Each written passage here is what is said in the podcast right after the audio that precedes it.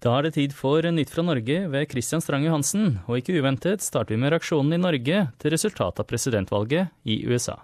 I går fikk verden vite at det er Donald Trump som blir president i USA fra januar neste år. Hvordan har reaksjonen i Norge vært? Den eneste kjente politikeren jeg vet om som åpent har støttet Donald Trump, er eh, Carl I. Hagen. Det er også én stortingsrepresentant som eh, har gjort det. Eh, jeg synes det var meget tilfredsstillende å få en president som står for noe annet enn det etablerte maktapparatet. I tillegg ønsker han et godt forhold til Russland, sier Carl I. Hagen til NRK. Utenriksminister Børge Brende sa til NRK tidligere om Trump at det er slik at man nesten ikke tror det man hører. Noen av holdningene hører ikke hjemme i det, i det 21. århundre, sa han. Han sier nå at han står for de uttalelsene. Statsminister Erna Solberg gratulerte Trump og sa at Norge og USA har felles interesser og verdier, og at USA er viktig for norsk økonomi, arbeidsplasser og sikkerhet. Trump har tidligere uttalt seg negativt om Nato, og Solberg sier at det er i USAs interesse å opprettholde det gode samarbeidet med Nato. Generalsekretæren i nettopp Nato, Jens Stoltenberg, gratulerte Trump og sier at han ser fram til å jobbe med ham. Han sier også at et sterkt Nato er bra for både USA og Europa, og at Trump har rett når han sier at europeiske land har investert for lite i vår felles sikkerhet. Sjeføkonom Kari Due Andresen i Handelsbanken sier til NRK at Trump skremmer markedene pga. sin krasse retorikk, og forklarer at det vil være skadelig for Norge hvis Trump får innført mer proteksjonisme i økonomien. En av de mest omtalte sakene i Norge de siste ukene dreier seg om Therese Johaug og doping. Kan du fortelle litt mer om dette? Ja, en av verdens beste langrennsløpere, 28 år gamle Therese Johaug, opplevde det hun kaller den verste tida i sitt liv da det ble kjent i oktober at en krem hun brukte mot solbrente lepper, inneholder et forbudt stoff. Stoffet heter Klosterball, eh, som er et eh, anabolt steroid som står på antidopinglisten og kremen ble brukt under trening i Italia i august. Jeg opplever dette urettferdig og helt uforskyldt, selv om jeg selvfølgelig er klar over det ansvaret jeg som utøver har for medisinene jeg bruker, sa hun til NRK i oktober. Hun har forklart at hun stolte på legen som ga henne kremen, og legen sier til NRK at han tar på seg ansvaret for det som skjedde.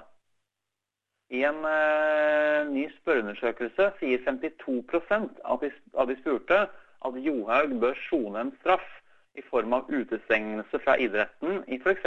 én sesong. Saken har eh, skapt internasjonal debatt om norske skiløperes forhold til doping. og Jeg har tidligere omtalt Martin Jonsrud Sundby og hans bruk av astmamedisin. Foreløpig er eh, ingenting avgjort i saken om Therese Johaug, men hun er midlertidig utestengt fra landslaget til en dom kommer på nyåret, ifølge NRK. Nå er fotballsesongen stort sett over i Norge. Hvilke lag ble årets beste?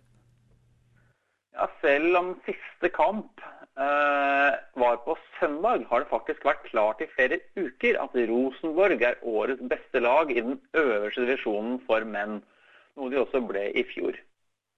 Trondheimslaget vant 21 av 30 kamper og tapte bare tre.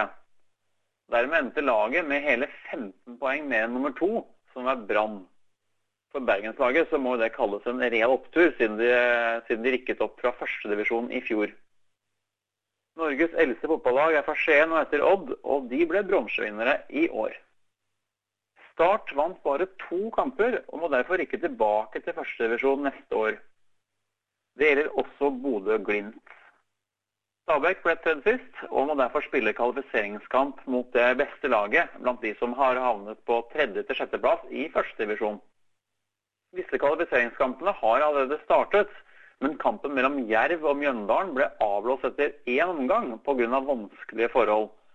Det hadde nemlig kommet snø på banen natta før, og NRK melder om forfrosne spillere.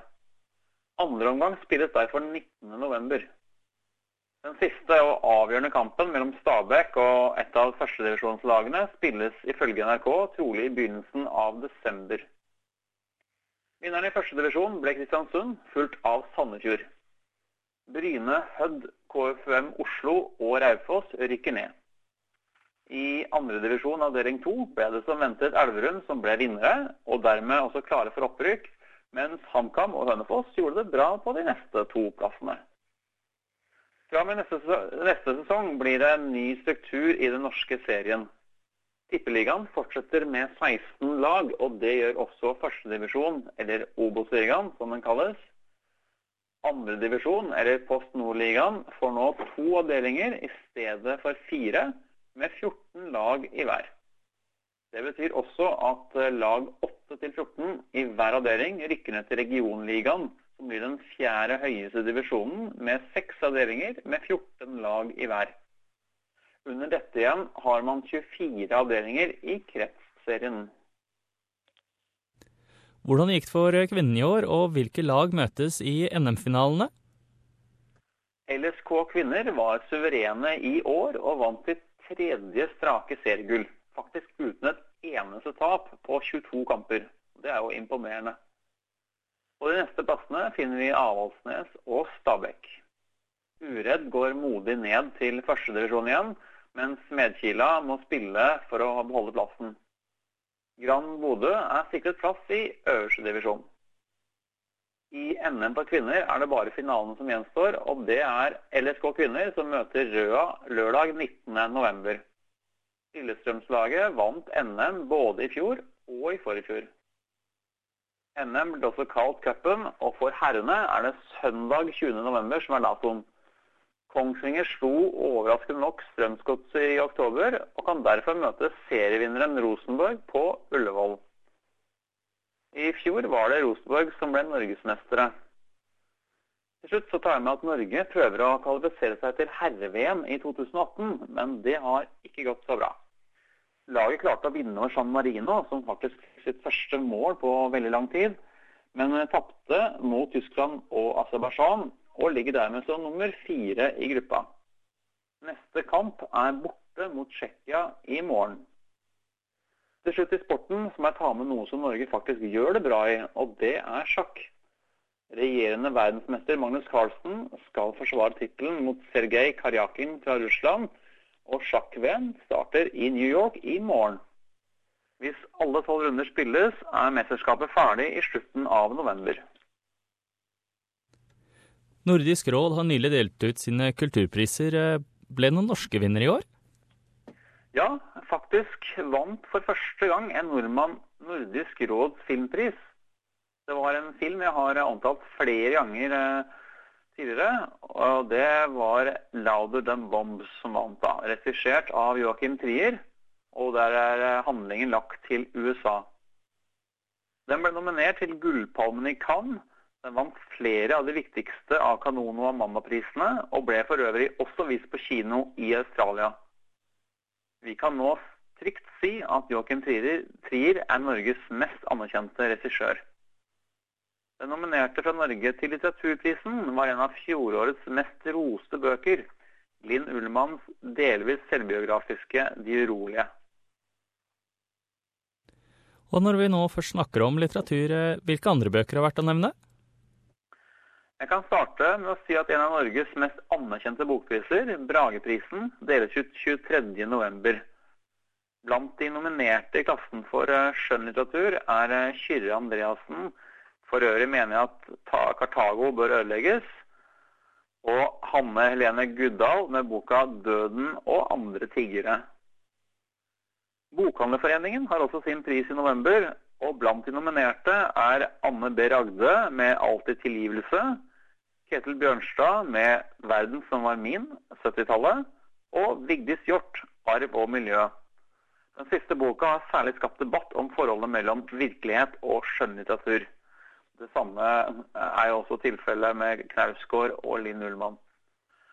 Boka til Hjort handler eh, om eh, bl.a. incest, og Hjort har vært tydelig på at hun har basert seg på ting hun har opplevd selv. Den mest solgte romanen i Norge nå er Jon Michelets bok 'Brennende skip' i krigsseilerserien 'En sjøens helt', mens eh, Vigdis Hjorts 'Arv og miljø' er den neste norske romanen på lista. Den kjente bloggeren Sofie Elise Isaksen sin bok eh, 'Forbilde' er den mest solgte boka innen sakprosa.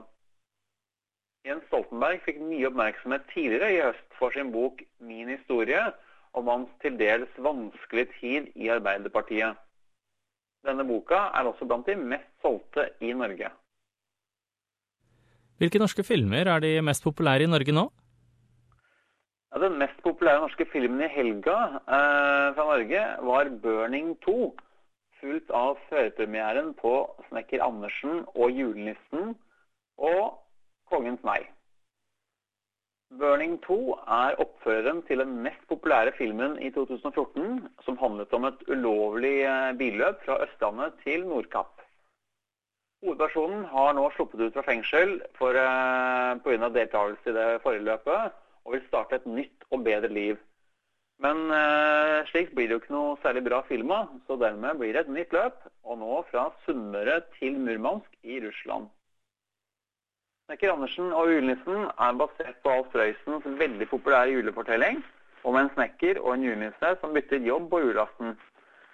Trond Espen Seim er snekker, mens Anders Båsmo Christiansen er julenisse. Han har også hovedrollen i Burning 2 og spiller i tillegg kronprins Olav i Kongens nei. Så han har altså fremtredende roller i de tre mest populære norske filmene nå om dagen. Kongens nei vil uten tvil bli årets mest sette norske film. For uh, så langt har over 600 000 sett filmen som tar for seg det som skjedde rundt krigsutbruddet i 1940 og kong Haakons nei til tyskernes krav om kapitulasjon. Det har blitt en uh, veldig god film, og som jeg har nevnt før, er altså historikerne for en gangs skyld enige om at filmen stort sett er korrekt. I morgen er det premiere på dokumentaren 'Kampen om fjordane', om protesten mot mastebygging ved Hardangerfjorden. Og til slutt, eh, hvordan har været vært i Norge den siste måneden? Vi fikk en eh, veldig tørr og pen oktober, må jeg si. I Trøndelag var det f.eks. Eh, flere uker med sol hver dag, men også noe kaldere enn vanlig. I forrige uke kom det plutselig snø over store deler av landet, bl.a. i Oslo. Det har også vært enorme mengder regn på Svalbard og veldig kaldt i fjellområdene på Østlandet. Kaldest så langt på denne siden av sommeren er det Folldal som har vært, med 33,5 kuldegrader på tirsdag.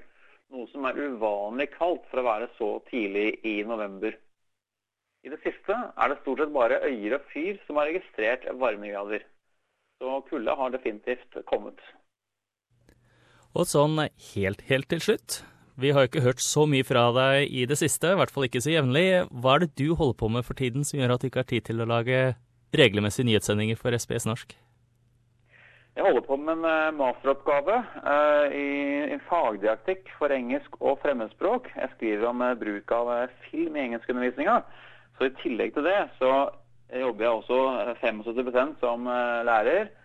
Og til sammen så blir det her mye å gjøre, så derfor har jeg ikke så mye tid til å være på SPS lenger. Men innimellom så skal jeg absolutt være på lufta, for jeg syns jo det er artig. Kristian Strange Hansen, eh, takk for din nyhetsoppdatering og eh, litt oppdatering om ditt eget liv. Takk. Ja, bare hyggelig.